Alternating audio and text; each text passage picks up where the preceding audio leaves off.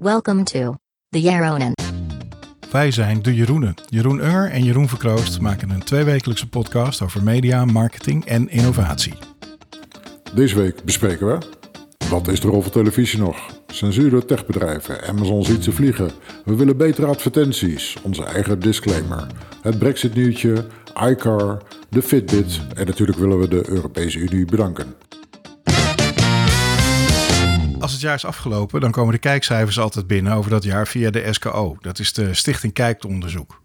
Na een jaar vol met lockdowns en verplicht thuiszitten met weinig mogelijkheden tot entertainment, verwacht je natuurlijk dat de hoeveelheid tv kijken enorm omhoog gegaan is. Maar dat blijkt alleen heel erg mee te vallen. Volgens de cijfers van het SKO is die kijktijd namelijk maar met 2,5% gestegen voor de tv-zenders. Je vraagt je af wat die mensen dan gedaan hebben tijdens de lockdown. Het antwoord daarop is kijken naar on-demand diensten, zoals Netflix, Disney+, YouTube en Prime van Amazon. De kijktijd van die diensten steeg vorig jaar met maar liefst 45%, tegenover de tv-zenders dus maar met 2,5%. Wat ook steeds meer Nederlanders doen, is uitgesteld kijken, dus later inschakelen of achteraf een programma bekijken wat al eerder uitgezonden is. Wat wel heel opvallend is, is dat het programma dat het meest uitgesteld gekeken is, binnen zes dagen na uitzending, dat dat Wie is de Mol was.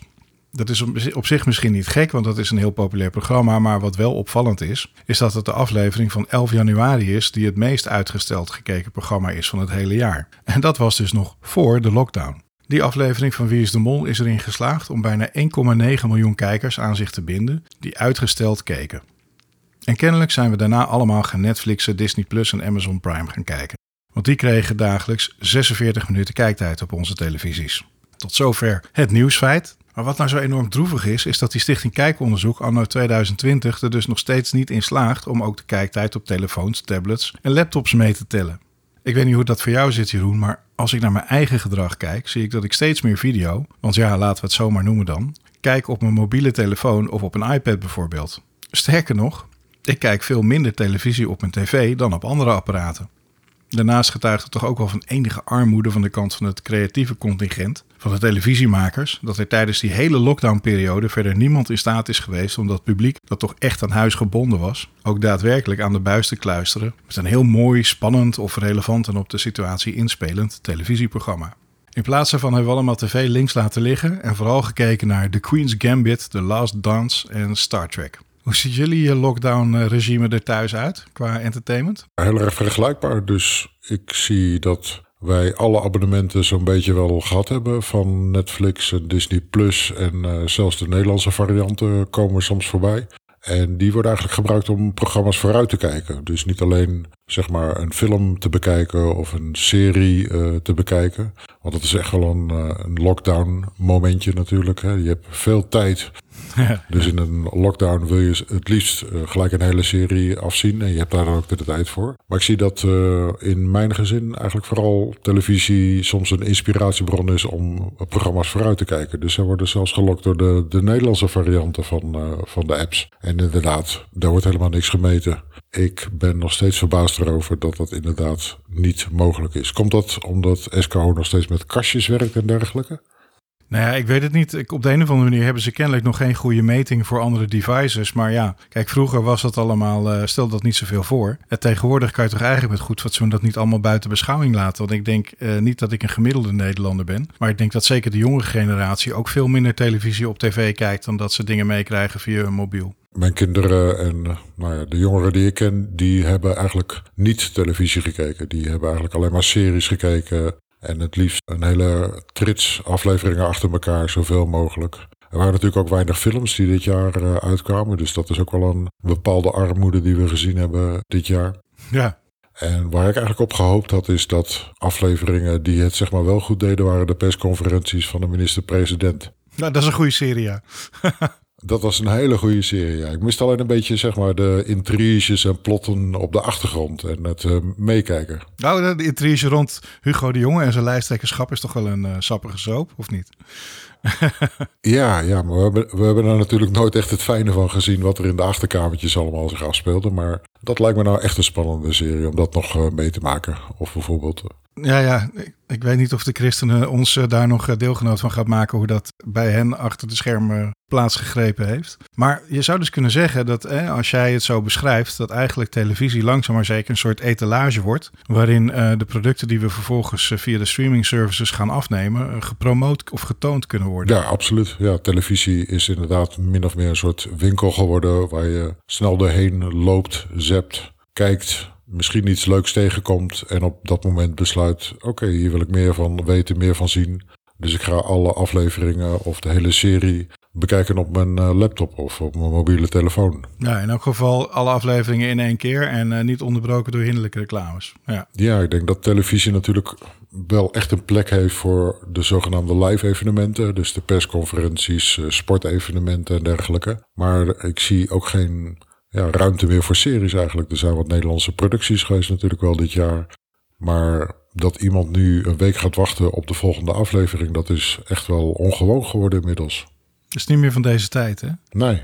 Wat ik me wel afvraag is um, of het op termijn ook culturele impact gaat hebben. Dat we steeds minder naar Nederlandse producties kijken. De pluriformiteit van ons mediagebruik staat toch al onder druk. En we hebben steeds minder media en uh, steeds meer media worden gezamenlijk geproduceerd. We hebben nog maar twee uitgevers van nieuwsmedia in Nederland in feite. Als we nu ook nog allemaal alleen maar naar Amerikaanse videofilms uh, en uh, televisieseries gaan kijken. Ja, dan wordt het wel heel erg een global village, of niet? Ik denk dat uh, we wel een kans hebben met, laten we zeggen, artificial intelligence. Dat misschien in de toekomst, uh, ongeacht in welke taal het is opgenomen, de personages misschien wel Nederlands kunnen praten door, dankzij artificial intelligence. Dat lijkt me misschien nog wel een, uh, een leuk alternatief dan als we niet meer zelf goede dramaseries zouden kunnen produceren. Ja, dat zou cool zijn. Dat zou inderdaad heel erg cool zijn. En uh, dan natuurlijk ook op maat gesneden Nederlandse advertenties misschien uh, die daarbij uh, bij gaan horen. Maar goed, dat uh, zijn nog verre toekomstvoorspellingen. Uh, Hoe is bij jou in het gezin? Ook uh, weinig televisie kijken meer? Ja, wij hadden vroeger hadden we dat met z'n allen naar Expeditie Robinson keken. Dat was een soort familieding. Een soort van moment met z'n allen rond het kampvuur, maar dan uh, de tv. Uh, maar ja, dat is ook al een tijdje afgelopen en uh, we hebben geen vervanging gevonden. Dus iedereen kijkt hier zo'n beetje zijn eigen series. En ik en mijn vrouw kijken altijd wel samen naar één ding. Dat is zo 50 minuten genieten van iets.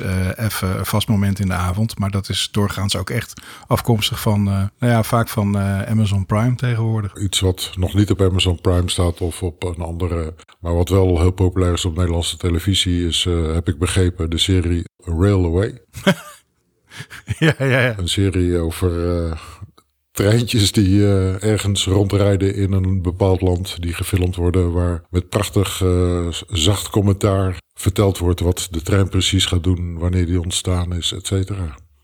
De tv wordt een soort tranquilizer, hè? Van, van heel Holland bakt tot Railway. Het is allemaal zo weinig mogelijk prikkels, lijkt het wel. Ja, ja. Misschien kunnen we ook niet meer tegen prikkels. Misschien komt, uh, maakt het lockdown het alleen maar erger. De heftigheid van de series is natuurlijk ook uh, minder. Ik denk dat uh, als je kijkt naar de Queen's Gambit bijvoorbeeld, eigenlijk best wel, nou ja, vooral een goed verhaal is, een goed plot heeft en niet heel erg gewelddadig is. Ja, de slagpartijen vinden voornamelijk op het schaakbord plaats. Dat valt wel mee. En dat was natuurlijk een aantal jaren geleden wel anders, denk ik. Ik denk dat er veel meer epische series waren met veel moorden, veel geweld en dergelijke. En dat het ook eigenlijk minder aan het worden is.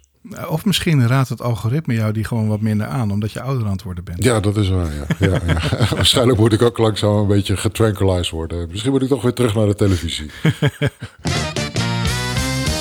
De afgelopen tijd was er natuurlijk heel veel nieuws rondom uh, de techbedrijven die uh, Trump eigenlijk van hun platformen geweerd hebben. Twitter is daarmee begonnen. Anderen hebben gevolgd. Facebook heeft het inmiddels gedaan. Amazon heeft uh, de website van, uh, van Parler, het conservatieve uitwisselingsplatform, uh, niet meer gehost op hun cloud. En wat eigenlijk voor nieuw, nieuw, voor mij was, is dat er veel bedrijven zeg maar, achter de commerciële kant van Trump, zoals een Shopify bijvoorbeeld, ook zijn gestopt om Trump-bedrijven te ondersteunen. En dus kan je geen, geen merchandise meer kopen van, van Donald Trump. Dat is toch wel verbazingwekkend eigenlijk. Ik vind het een schande. Ja, Ik vind het heel zorgwekkend. En niet omdat ik naar Trump-fan ben of omdat ik nog heel nodig een rood MAGA-petje wilde kopen. Maar laten we eerlijk wezen, als bedrijven op een gegeven moment gaan uitmaken wie er wel en niet eh, een kans krijgen om het grote publiek te bereiken met hun verhaal, ja, dan trekken ze wel een hele grote broek aan, toch? Ja, en je ziet het ook in de reacties uh, uit de Europese Unie. Daar had ik ook wel weer bedenkingen bij. Dus uh, Merkel had gereageerd en nog wat andere vooraanstaande politici. Dat zij het eigenlijk niet konden. Zij vonden het niet eerlijk dat de vrijheid van meningsuiting op deze manier beperkt werd door bedrijven. Dat die bepaalden wat er wel en niet besproken zou moeten worden op, uh, op het internet. Of mogen worden op internet. En dat is toch wel echt een politieke houding ook, hè, natuurlijk. Oh jee. Ja. Ben ik het eens met Angela? Shit. ja, want in, in feite, en daar hebben we het andere keer ook over gehad. In feite is dit natuurlijk wel de extreme vorm van hoe kapitalisme werkt. Eigenlijk dat bedrijven hè, mogen zelf bepalen wat zij wel of niet toestaan op hun platform. Ze hebben zich daar jarenlang aan ontrokken. Ze hebben vaak de positie ingenomen dat zij slechts een doorgeefluik zijn. Dat geldt niet alleen voor meningen, maar ook bijvoorbeeld voor illegale films en dergelijke. Daar werden ze steeds op bekritiseerd. Nu grijpen ze in, nu doen ze er wat aan. En nu krijgen ze weer een ander geluid te horen, namelijk dat zij niet het recht hebben om in te grijpen. Dus ik vind dat enigszins verwarrend of ambivalent hoe we daar dan mee omgaan of wat onze positie daarin is. We hebben doorgaans voor heel veel dingen hebben we gewoon hele prima wetten. Um, en die kunnen we ook toepassen op grote bedrijven. Uh, op het moment dat er bijvoorbeeld verboden is om mensen op te hitsen, um, dan moet je mensen aanpakken die ophitsen en niet de platforms waar, waar vandaan ze ophitsen. En dat is hetgene wat er nu eigenlijk niet gebeurt. En dat is eigenlijk gek, want Trump is dus niet zozeer aangepakt al die tijd. Uh, uiteindelijk wordt hij dan nu uh, impeached. Maar dat is wel een klein beetje mosterd naar de maaltijd, laten we eerlijk wezen. Ja.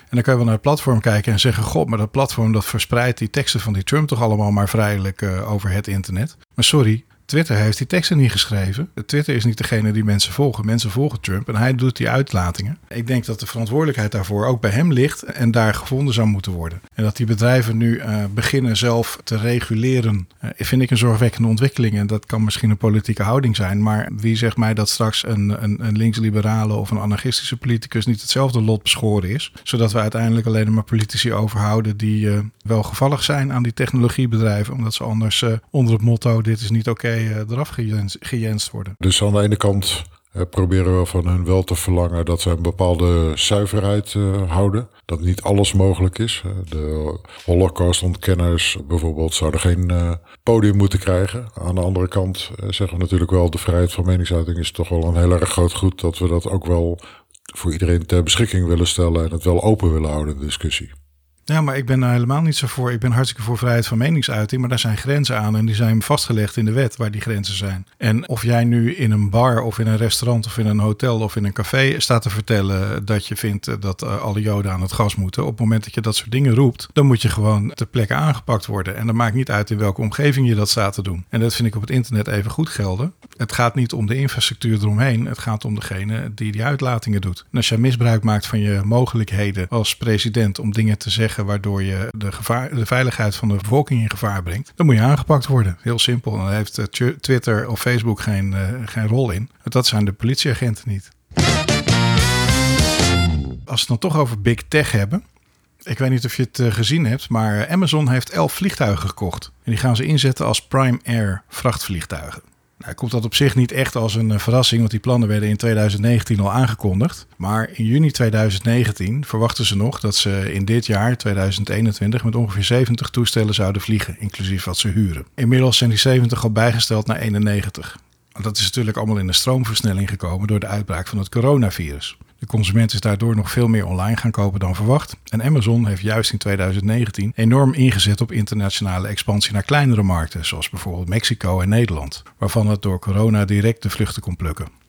In Nederland stond de website van Amazon in december 2020 op de 13e plaats qua bereik. En geloof mij maar dat ze in 2021 in de top 10 terechtkomen hier bij ons. Tegelijkertijd zijn alle luchtvaartmaatschappijen in volle crisis en al dolblij als ze wat cash kunnen krijgen door hun vliegtuigen aan Amazon te verkopen. Dus Jeff Bezos krijgt nog een topdeal op de aanschaf van die eigen luchtvloot ook. Nou is dat natuurlijk helemaal in lijn met de geniale en rukzichtloos uitgevoerde filosofie van Amazon dat alles wat aan de kostenkant op de balans staat zo snel mogelijk in huis gehaald moet worden en omgebouwd moet worden tot een profit center. Dus wat je kan verwachten is dat Amazon zometeen niet alleen zijn eigen pakjes rondvliegt, maar dat ze die capaciteit ook gaan openstellen voor derden. Net zoals ze dat hebben gedaan met hun webservice bijvoorbeeld. En je denkt dan misschien, ja, maar Amazon is toch maar een webwinkel? En misschien lijkt het gevoelsmatig logisch dat Microsoft en Google de grootste spelers zijn uh, op het internet. Maar Amazon Web Hosting is bijna twee keer zo groot als Microsoft en meer dan vier keer zo groot als Google op dit gebied. En transportcapaciteit is gewoon de volgende business die eraan gaat en die geamazond wordt. Dus met Prime Air krijgen DHL en FedEx er zo meteen een geduchte concurrent bij, geloof mij maar. Geloof jij eigenlijk in de kansen van Prime Air? En wat denk jij dat de volgende business wordt waar Amazon in stapt? Ja, ik geloof absoluut in de kansen van Prime Air. Ik vind het weer een move die heel erg logisch is. Ik zal niet zeggen alleen geniaal, want Jeff Bezos wordt voortaan of bijna uitsluitend altijd geniaal genoemd. Ik vind het een goede move. Uh, je wil de hele keten beheersen met maar eigenlijk één doel en dat is zoveel mogelijk Prime abonnementen verkopen, want dat is echt de money machine voor, voor de Amazon winkels. Dus dat is op zich heel erg slim. Wat ik me dan wel afvroeg is, als Jeff Bezos zijn eigen space agency aan het bouwen is met uh, Blue Origin, waarom gaat hij dan niet zelf een vliegtuig ontwerpen in plaats van wat oude kisten op te kopen? ja, ik uh, denk dat zij eerder bezig zijn met ruimteschepen ontwerpen. Maar daar zit ook wel iets heel liefs. En daarom hou ik eigenlijk toch een klein beetje van Jeff Bezos. Uh, hij wil gewoon echt, zeg maar, hij is ook een kind van de jaren zeventig. En hij heeft ook gewoon uh, al die, die hele space age in zijn formatieve jaren ondergaan. En dat idee van there's no plan B, there's no second planet. And we need to get out of here before the whole shithouse goes up in flames. dat is toch wel een hele diepe, diepe drijver en diepe motivator voor hem. Dus ik denk dat hij die vrachtvliegtuigen niet zo interessant vindt en meer ziet als een, eh, een noodzakelijk radertje in eh, zijn eh, grote machine. Ja. Maar dat hij de, de echte diepe liefde van Jeff gaat volgens mij eerder uit naar ruimteschepen. Dus als hij ooit iets tekent tijdens een conference call, is het waarschijnlijk een spaceship. Ja, dus jij denkt dat Jeff voornamelijk nog bezig is, zeg maar, meer met de moonshot ideas.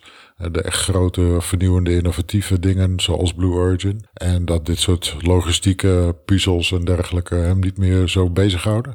Ja, dat denk ik wel, wel, wel zeker. En uh, wat wel heel leuk is om te doen is, en uh, misschien kunnen we een linkje opnemen, is, is te kijken naar de principles van Amazon. Amazon heeft 15 uh, principes, uitgangspunten in de manier waarop ze werken. En die zijn niet zoals je bij veel bedrijven ziet. En vaak zie je zo'n tegel aan de muur met we hebben 10 regels en de klant komt eerst, is dan de eerste regel. Ja.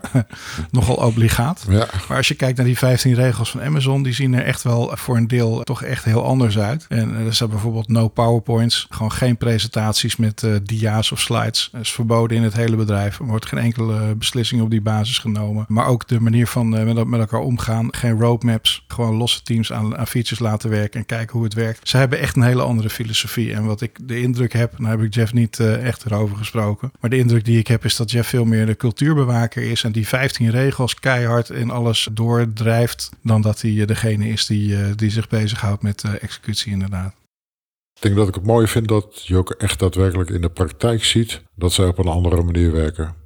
En dat hebben ze natuurlijk met Amazon gedaan, met de Amazon Web Services, hun cloud offering. Ik zie ook dat Jeff Bezos het doet met de Washington Post, die die ook probeert nieuw leven in te blazen en echt wil laten concurreren met andere grote bladen in Amerika, zoals de New York Times en echte abonnementen weten drijven. Ja, maar daar, is nog een, uh, daar zit nog een diepere laag achter. Hè? Want die Washington Post, die daar zoiets van, oh wat leuk, hij wil de journalistiek redden. Maar dit is gewoon een uh, compete, uh, oftewel een, een concurrentie ten opzichte van Google. Google verdient zijn geld met advertising en Facebook ook natuurlijk. Maar Google is meer een target voor, voor Jeff. En wat Washington Post gedaan heeft, is eigenlijk software gebouwd om te zorgen dat de Washington Post exploitatie veel efficiënter en veel succesvoller zou worden. En zoals dat hoort bij Amazon, is dat meteen geproductized en wordt op dit moment die hele software suite ook verkocht aan uitgevers over de hele wereld, die super noodlijdend zijn en enorm zitten te wachten op een content management systeem en een advertising systeem wat ze kan helpen om de bottom line droog te houden. En op die manier is hij eigenlijk aan het concurreren met Google en tegelijkertijd weer van iets wat hij zelf nodig had voor een eigen bedrijf, een product aan maken, wat hij vervolgens aan heel veel mensen verkoopt. Ik dacht dat er ook een kleine nuance in zat in de zin dat hij de software die hij voor de Washington Post heeft gemaakt of Betterworst de Post maakt, dat hij meer gefocust is op het drijven van abonnementen ook, zodat de afhankelijkheid van advertenties ook minder groot zou worden. Ja. In tegenstelling tot bijvoorbeeld hè, de New York Times, waar dat vooral gedreven wordt. Wat natuurlijk ook een krachtig wapen is in, in de strijd om content of nieuws tegen Google en Facebook. Dus je ziet dat er vaak, en dat vind ik het knappe, en ik mag het niet geniaal noemen, heb ik net gehoord, maar het slimme van, van Amazon is dat ze vaak dingen doen die ze zelf nodig hebben en daar dan vervolgens meteen een product van maken, wat ze dan ook nog helpt in de concurrentieslag met de partijen waar ze in de arena mee te maken hebben. Dat is toch mooi. Ja. Laten we eerlijk wezen. Zijn er nog bedrijven die op een van de terreinen van Amazon nog überhaupt kan concurreren met Amazon? Als je nu kijkt van ze kopen vliegtuigen, ze hebben de distributie tot in de puntjes verfijnd om alles wat je in Amazon winkel koopt via die Prime diensten zo snel mogelijk bij je thuis te krijgen. Zou daar überhaupt nog een model mogelijk zijn? Zijn er spelers in de markt nog die hier iets tegen kunnen doen? Nou ja, dat hangt ook een beetje vanaf uh, wat je definieert als de markt van Amazon. In feite uh, is het hele proces van uh, we bestellen boodschappen en we krijgen die in huis. of we gaan boodschappen doen en we krijgen die in huis. Natuurlijk het kernproces van Amazon. Maar je ziet dat het uh, steeds verder gaat. Hè? Dat het eerste waar je aan denkt is niet meteen cloud hosting of web services. En waar je niet meteen aan denkt is ook vrachtvliegtuigen. Dus langzaam maar zeker distributiecentra, winkelsoftware. Er wordt steeds breder. Het is een soort olievlek. En dat is ook wel de observatie die ik heb. Amazon begint zo groot te worden en zoveel schaal te krijgen dat het in steeds hoger tempo hele businesses wereldwijd kan gaan oppakken. En dankzij dat schaalvoordeel ook direct kan gaan domineren. Mark Andrews, eh, de man die Netscape eh, ooit bedacht en een succesvol investeerder, die zei ooit: Software will eat the world. Maar het lijkt er eerder op dat het Amazon wordt die de wereld gaat opeten. Om een tegenwicht überhaupt te vinden nog tegen Amazon, die op zo'n enorme schaal kan opereren, zit je eigenlijk alleen maar te kijken naar een markt waar dat door de overheid ingegrepen kan worden. En als je Amazon zou vergelijken met Alibaba in China, dan is daar de overheid nog steeds degene die kan ingrijpen. Wat ze recent natuurlijk gedaan hebben door Jack Ma eigenlijk naar een soort heropvoedingskamp uh, te sturen.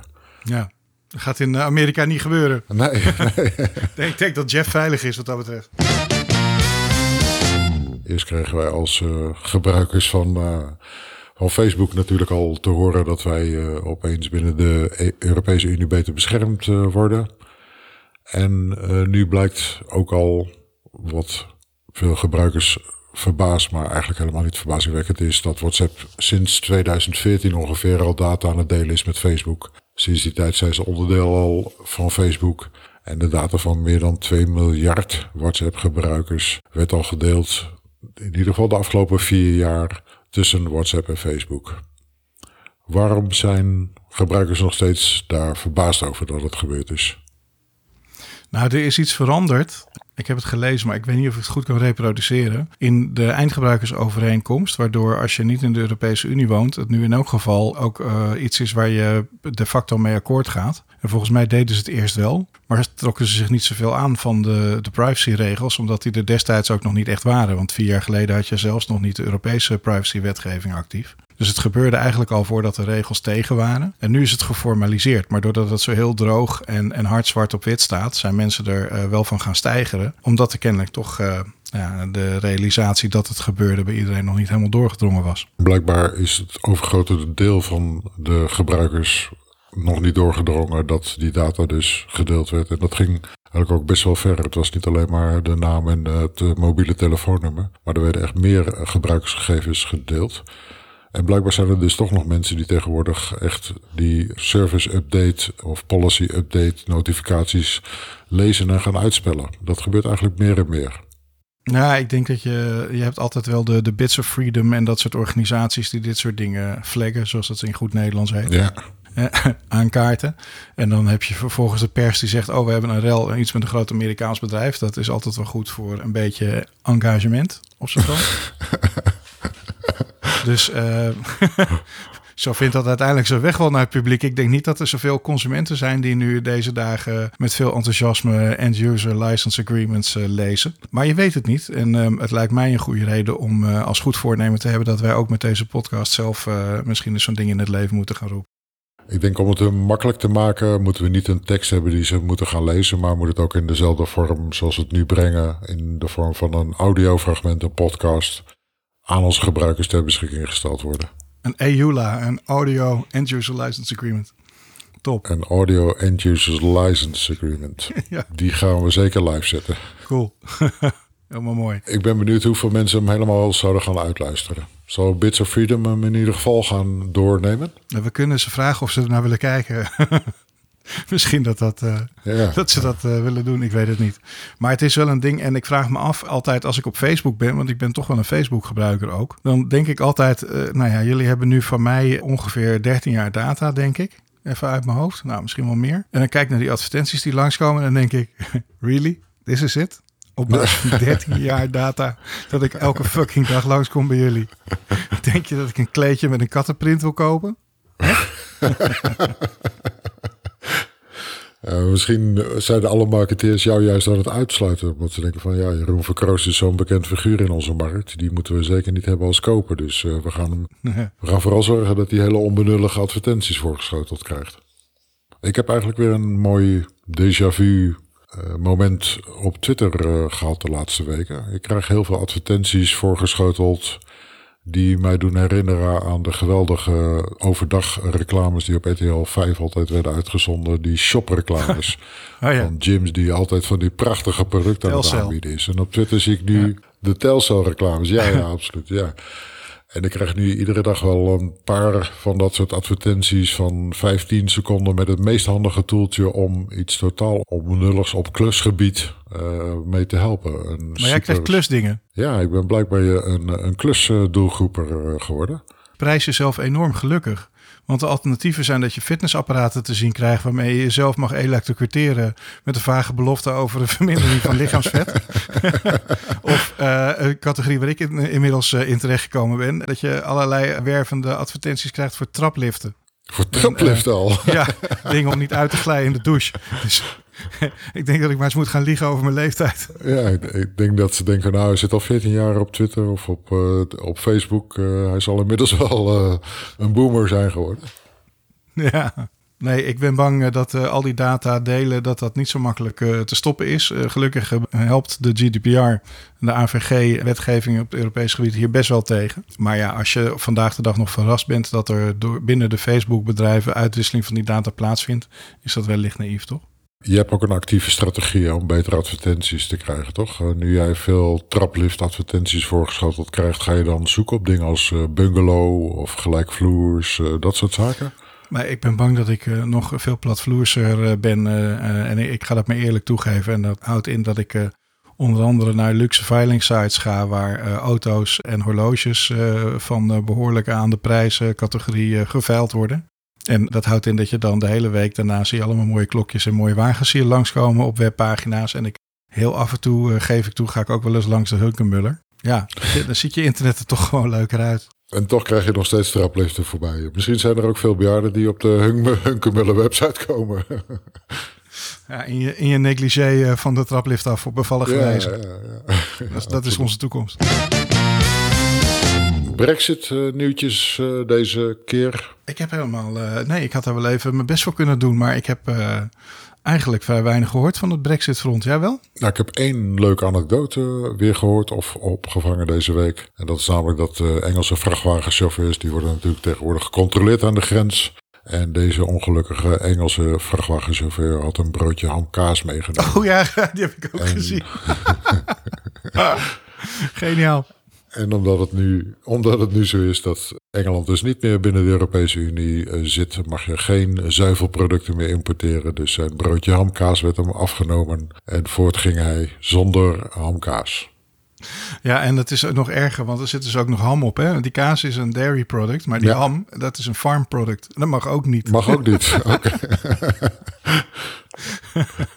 Ik hoop dat hij er vanaf gekomen is met een waarschuwing en dat hij zijn broodje alleen maar kwijt is. Eh, volgende keer zal het wel een boete worden. Je zou dat broodje toch heel snel gewoon overdwars in je mond proppen. als je zo'n douanier aan ziet komen. Ik hoop dat het geen stokbrood was, maar goed, dat is maar de andere kant op. Ja, het blijft een raar fenomeen, eh, de brexit. Eh, We houden het in de gaten natuurlijk of er nog nieuwe dingen gebeuren, nieuwe anekdotes ontstaan, doordat Engeland nu niet meer bij de Europese Unie hoort. Afgezien dan van alle privacywetgevingen die nu impactvol zijn. Ja, nee, het is geen feest eh, daar aan de Britse grens. Waar trouwens ook geen feest is, is in eh, Las Vegas. Want het is weliswaar eh, Consumer Electronics Show uh, in Amerika. Maar dat moet ook allemaal virtueel. Ja. Dus uh, normaal is dat een soort hoogmis hè, van de consumentenelektronica. Waarbij mensen uit de hele wereld bij elkaar komen in Amerika. Om daar nog, naar nog grotere schermen te kijken. Met nog meer resolutie. Om naar nog kleinere computers en nog kleinere drones te kijken. Naar slimme brillen en natuurlijk naar de nieuwste apparaten waar je tegen kan praten. Maar waar heel veel mensen al lang op zitten te wachten maar wat niemand speciaal op dit moment verwacht had, kwam toch. De aankondiging van Apple dat ze van plan zijn om een zelfrijdende autotechnologie te maken. Yay. Bovendien zouden ze ook daadwerkelijk van plan zijn om binnen nu en een jaar of drie, vier een Apple Auto op de markt te brengen. Dus onder het Apple-merk. Daarbij wordt dan ook nog eens beloofd dat die auto gebruik zal gaan maken van baanbrekende batterijtechnologie. Dat is bij veel elektrische auto's nog wel eens een zwak punt. Tesla heeft het natuurlijk fantastisch voor elkaar. Met auto's waarmee de meeste mensen gerust een aantal dagen op en neer kunnen rijden naar het werk zonder te laden. Maar betere batterijtechnologie gaat voor meer bereik zorgen en dat zal voor veel mensen toch aantrekkelijk zijn. Ik had al in 2013 een Tesla Model S en toen was het echt nog wel behelpen met laadstations, maar zoals nu zijn nog veel mensen huiverig en geloof mij, het hele land staat vol met palen. Range anxiety noemen ze dat.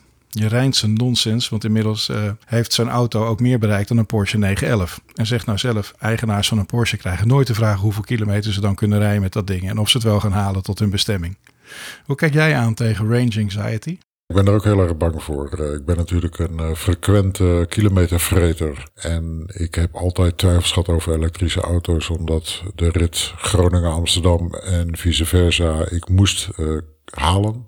Nou, dat is de laatste jaren eigenlijk met de verbeteringen die Tesla door heeft gevoerd uh, gewoon mogelijk geworden. En range anxiety wordt volgens mij een beetje vervangen nu door de pech dat je misschien tussen de vrachtwagens moet blijven rijden omdat je anders je batterij te snel leeg gaat of dat je misschien onderweg ergens een half uurtje moet stoppen om je batterij weer uh, op te laden. Dus ik denk inderdaad, range anxiety bestaat niet echt meer.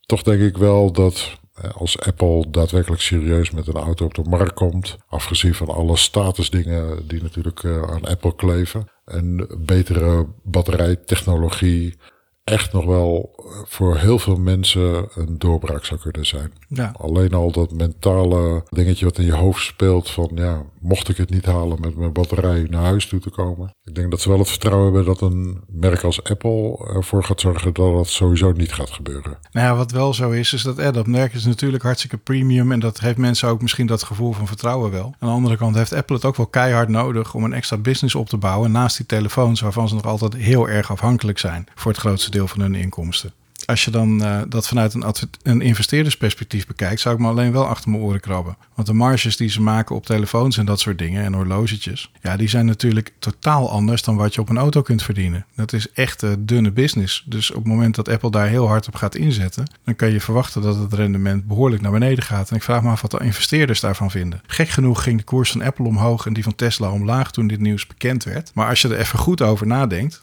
ja, dan moet je daar als investeerder toch helemaal niet blij van, blij van worden als je bedrijf zegt van nou ja, in plaats van dat we 40, 50 procent marge gaan maken, gaan we eens naar een business kijken waar we 3 procent kunnen maken. Dat is toch gek? Maar zal het niet liggen aan of Apple het daadwerkelijk kan om veel hogere marges te vragen op een auto dan op een telefoon nog? Nou, ik ben benieuwd of ze auto's gaan verkopen met 40% marge. Mocht dat ze lukken, dan, uh, dan kom ik uh, in de kerk van Tim Cook als nieuw sectelid. Ja.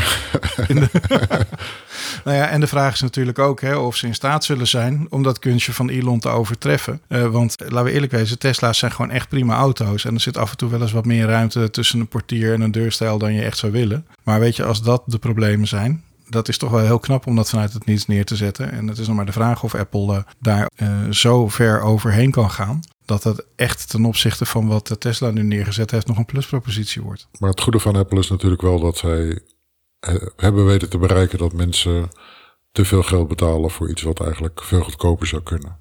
Ja. Ze hebben ook uh, duidelijk bewezen dat ze echt meesters zijn in de logistiek van assemblage van hardwareonderdelen en dergelijke. En als ze die twee sterke punten, de, de premium gevoel en optimale logistiek zouden kunnen combineren en een auto maken, dan denk ik toch echt wel dat zij een geduchte concurrent voor Elon zouden kunnen zijn. Ook al is Elon natuurlijk al een aantal jaren zeer succesvol met zijn, uh, met zijn Model S en Model, Model 3. Nou ja, laten we dan maar hopen dat die uh, lieve Chinezen bij Foxconn, die nu al die telefoons in elkaar zetten, even goed zijn in het in elkaar solderen van auto's. Ja. En vooral welke stekkers uh, gaat Apple daarmee leveren? Dat zal natuurlijk het bijzonderste zijn. Ja, je auto opladen met een lightning kabel, ik weet het niet. Over vier jaar weten we meer. De overname van Fitbit door Google is afgerond officieel. Hoera. De aankondiging was al in november 2019, dus bijna al anderhalf jaar dat ze Fitbit zouden overnemen. Nu is het officieel afgerond. Ze hebben goedkeuring van de Europese Unie gekregen ook. Ze hebben nog geen uh, goedkeuring gekregen van de Australische mededingingsautoriteit, maar daar gaan ze niet op wachten, ondanks dat het misschien een boete kan opleveren van 400 miljoen dollar.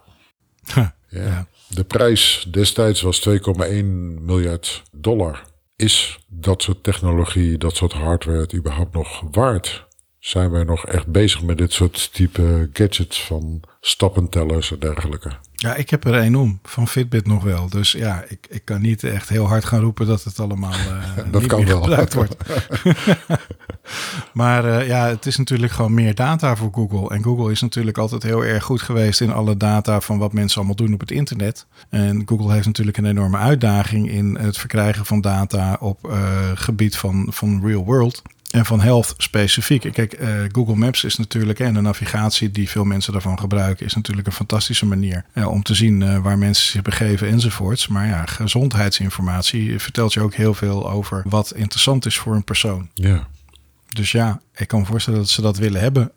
alleen volgens mij is de catch dat ze de toestemming gekregen hebben op basis van het feit dat dit soort gevoelige informatie niet zomaar door andere alfabet onderdelen gebruikt zou mogen worden. Ja. En dan is de vraag uh, of ze zich daar ook netjes aan gaan houden. Of dat ze net zoals uh, Facebook en WhatsApp dat uh, gewoon doen totdat ze daarvoor op het matje geroepen worden.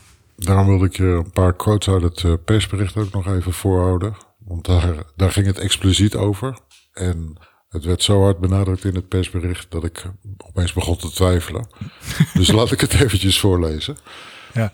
En ik vertaal altijd even vrij naar het Nederlands. Dus de Google uh, hardware chef, uh, Rick Osterlo, zei dat de aankoop van Fitbit was, en quote unquote, alleen maar over de devices, niet over de data. Dat is een eerste quote. Een tweede quote is, om dat te benadrukken, herhaalde hij Google's commitments dat zij deze aankoop in alle markten rondom de wereld uh, hebben gedaan. Met de belofte dat zij Fitbit-gebruikers gezondheid en uh, welzijn data niet zouden gebruiken voor Google's ad tracking. En de derde quote, en daarom kwam het een beetje als overkill van quotes op mij over. We will maintain strong data privacy and security protections, giving you control of your data and staying transparent about what we collect and why. Dus geef wel toe dat ze dingen gaan verzamelen. En ook waarom ze het gaan verzamelen. Maar daar gaan ze dan transparant over zijn. En ook hier weer, net als met uh, WhatsApp en met Facebook, de Europese uh, Unie daar worden de gebruikers gevrijwaard van zeg maar, het uh, ter beschikking stellen van persoonlijke data. Als enige regio weer. Nee, wat dat betreft zijn we gelukkig uh, beschermd. Kunnen we leven in de moederschoot van Angela en uh, consorten. Dat is natuurlijk mooi. Maar ehm, ik heb ook in communicatietheorie ooit geleerd dat als mensen iets drie keer heel hard ontkennen, dat het dan waarschijnlijk het, precies hetgene is wat er aan de hand is. Ja, daar ga je altijd twijfelen natuurlijk. Hè, dat drie keer een quote over hoe belangrijk zij privacy vinden en dat ze niks gaan verzamelen, bla bla bla bla. En als je het zo vaak moet aanhalen, dan denk je van, oh oké, okay. blijkbaar... waar ik altijd heel erg op aansla zijn die, uh, wat, je, wat je in de laatste quote noemde, dat uh, het volledig de controle in de handen van de gebruiker gelegd wordt. Ja. Want jij en ik en iedereen uh, die een klein beetje wel denkt, weten dat gebruikers het A niet begrijpen en het B niet interesseert. Dus als je iets in de handen van de gebruiker legt en die gebruiker doet er daarna niks mee, uh, dan wordt dat door dit soort organisaties toch ook nog wel eens gezien als uh, een legitimatie om hun goddelijke gang te gaan. Want ja, uh, je hebt ergens een keer op een, op een vinkje geklikt of een keer akkoord gegeven. En dus vond je het prima dat ze al die data gingen gebruiken om jouw quote beter te servicen. Een quote. Ondanks dat jij nu dus een aantal jaren een Fitbit hebt, of al een tijd Fitbit gebruiker bent, krijg je dus nog steeds wel advertenties voor trapliften voorgeschoteld. Ja, dat heeft niet met mijn gewicht te maken. Dat kunnen ze ook zien, want ik heb ook een Fitbit weegschaal. en ook een leeftijdsinschatter, zit dat er ook in? Of, uh... dat, dat weet ik niet, maar... Uh... heb je je geboortedatum moeten opgeven bij... Uh... Ik denk dat ze bij Google al lang weten hoe oud ik ben, eerlijk gezegd. Nou, dan heeft de Europese Unie uiteindelijk toch wat positiefs bereikt. Hè? Dat ze zowel beschermd worden tegen Google als Facebook als uh, WhatsApp, wat natuurlijk ook van Facebook is. Ja. En dat verbaast me eigenlijk dat het, dat het zo vaak in het nieuws is gekomen de afgelopen weken. En eigenlijk weer daardoor blijft verrast dat je denkt van, oh, de Europese Unie doet echt wel wat voor ons als gebruikers, waar andere landen daar al lang niet meer mee bezig zijn. Nee, het is natuurlijk heel makkelijk. Ik ben ook gewoon echt wel een Europeaan. Het is heel makkelijk om te kakken op de Europese Unie en te zeggen: het is allemaal administratie en het kost allemaal geld en wat hebben we eraan? maar als je kijkt, eh, als ik ga naar het buitenland ga en ik krijg nu niet meer zoals eh, een paar jaar geleden ineens een rekening van 2000 euro van Vodafone omdat ik in België een uh, paar playlists van Spotify gedownload heb. Dat hebben we wel te danken aan de Europese Unie, dat we daar plotseling allemaal gewoon net normale tarieven hebben tussen verschillende landen in de Europese Unie. Dat we al onze stekkertjes van al onze apparaten gewoon allemaal hetzelfde zijn. En dat we niet een fuckload aan extra apparaten het continu het milieu induwen, omdat er elke keer die standaard veranderd wordt. Dat hebben we ook aan de Europese Unie te danken. En dan noem ik alleen maar twee voorbeelden van dingen die mij als gadgetman aan het hart gaan. Uh, maar er zijn best, best veel dingen die de Europese Unie gewoon heel goed doet en goed regelt voor mensen. En ook op het privacygebied merk je dat de grote techbedrijven inderdaad toch wel vrij omzichtig om Europa heen manoeuvreren. En je ziet ook al direct dat Engeland uh, teruggevallen is uh, op plan B. En uh, onmiddellijk gerekend wordt onder dat deel van de wereld wat verder nergens op hoeft te rekenen. Ja, eigenlijk zijn alle Engelstalige landen zijn eigenlijk weer teruggevallen onder Amerikaans regime, lijkt het dan wel zo. Met een gevoel van tevredenheid en veiligheid kunnen terugtrekken in onze Europese woonstulpjes. wetend dat er over ons gewaakt wordt door de Unie. Hoe fijn is dat? Ja, en om onze gebruikers datzelfde gevoel nog extra te geven, hebben wij natuurlijk onze speciale eigen Audio User Listening Agreement voor jullie ingesproken. Die ook helpt voor het geval je niet in slaap kan vallen. Dit was De Jeroenen. Jeroen Unger en Jeroen Verkroost maakten deze tweewekelijkse podcast over media, technologie, marketing en innovatie. Je kunt ons vinden op www.dejeroenen.com. Daar vind je nu al de link om je te abonneren via Spotify. iTunes en Google Play volgen binnenkort, die staan nog op de verlanglijst. Als je ons een bericht wil sturen, feedback wil geven op de podcast of een item wil aandragen voor een komende episode, dan vind je op www.jeroenen.com een reactieformulier. Wij zijn er elke twee weken. Graag tot de volgende keer.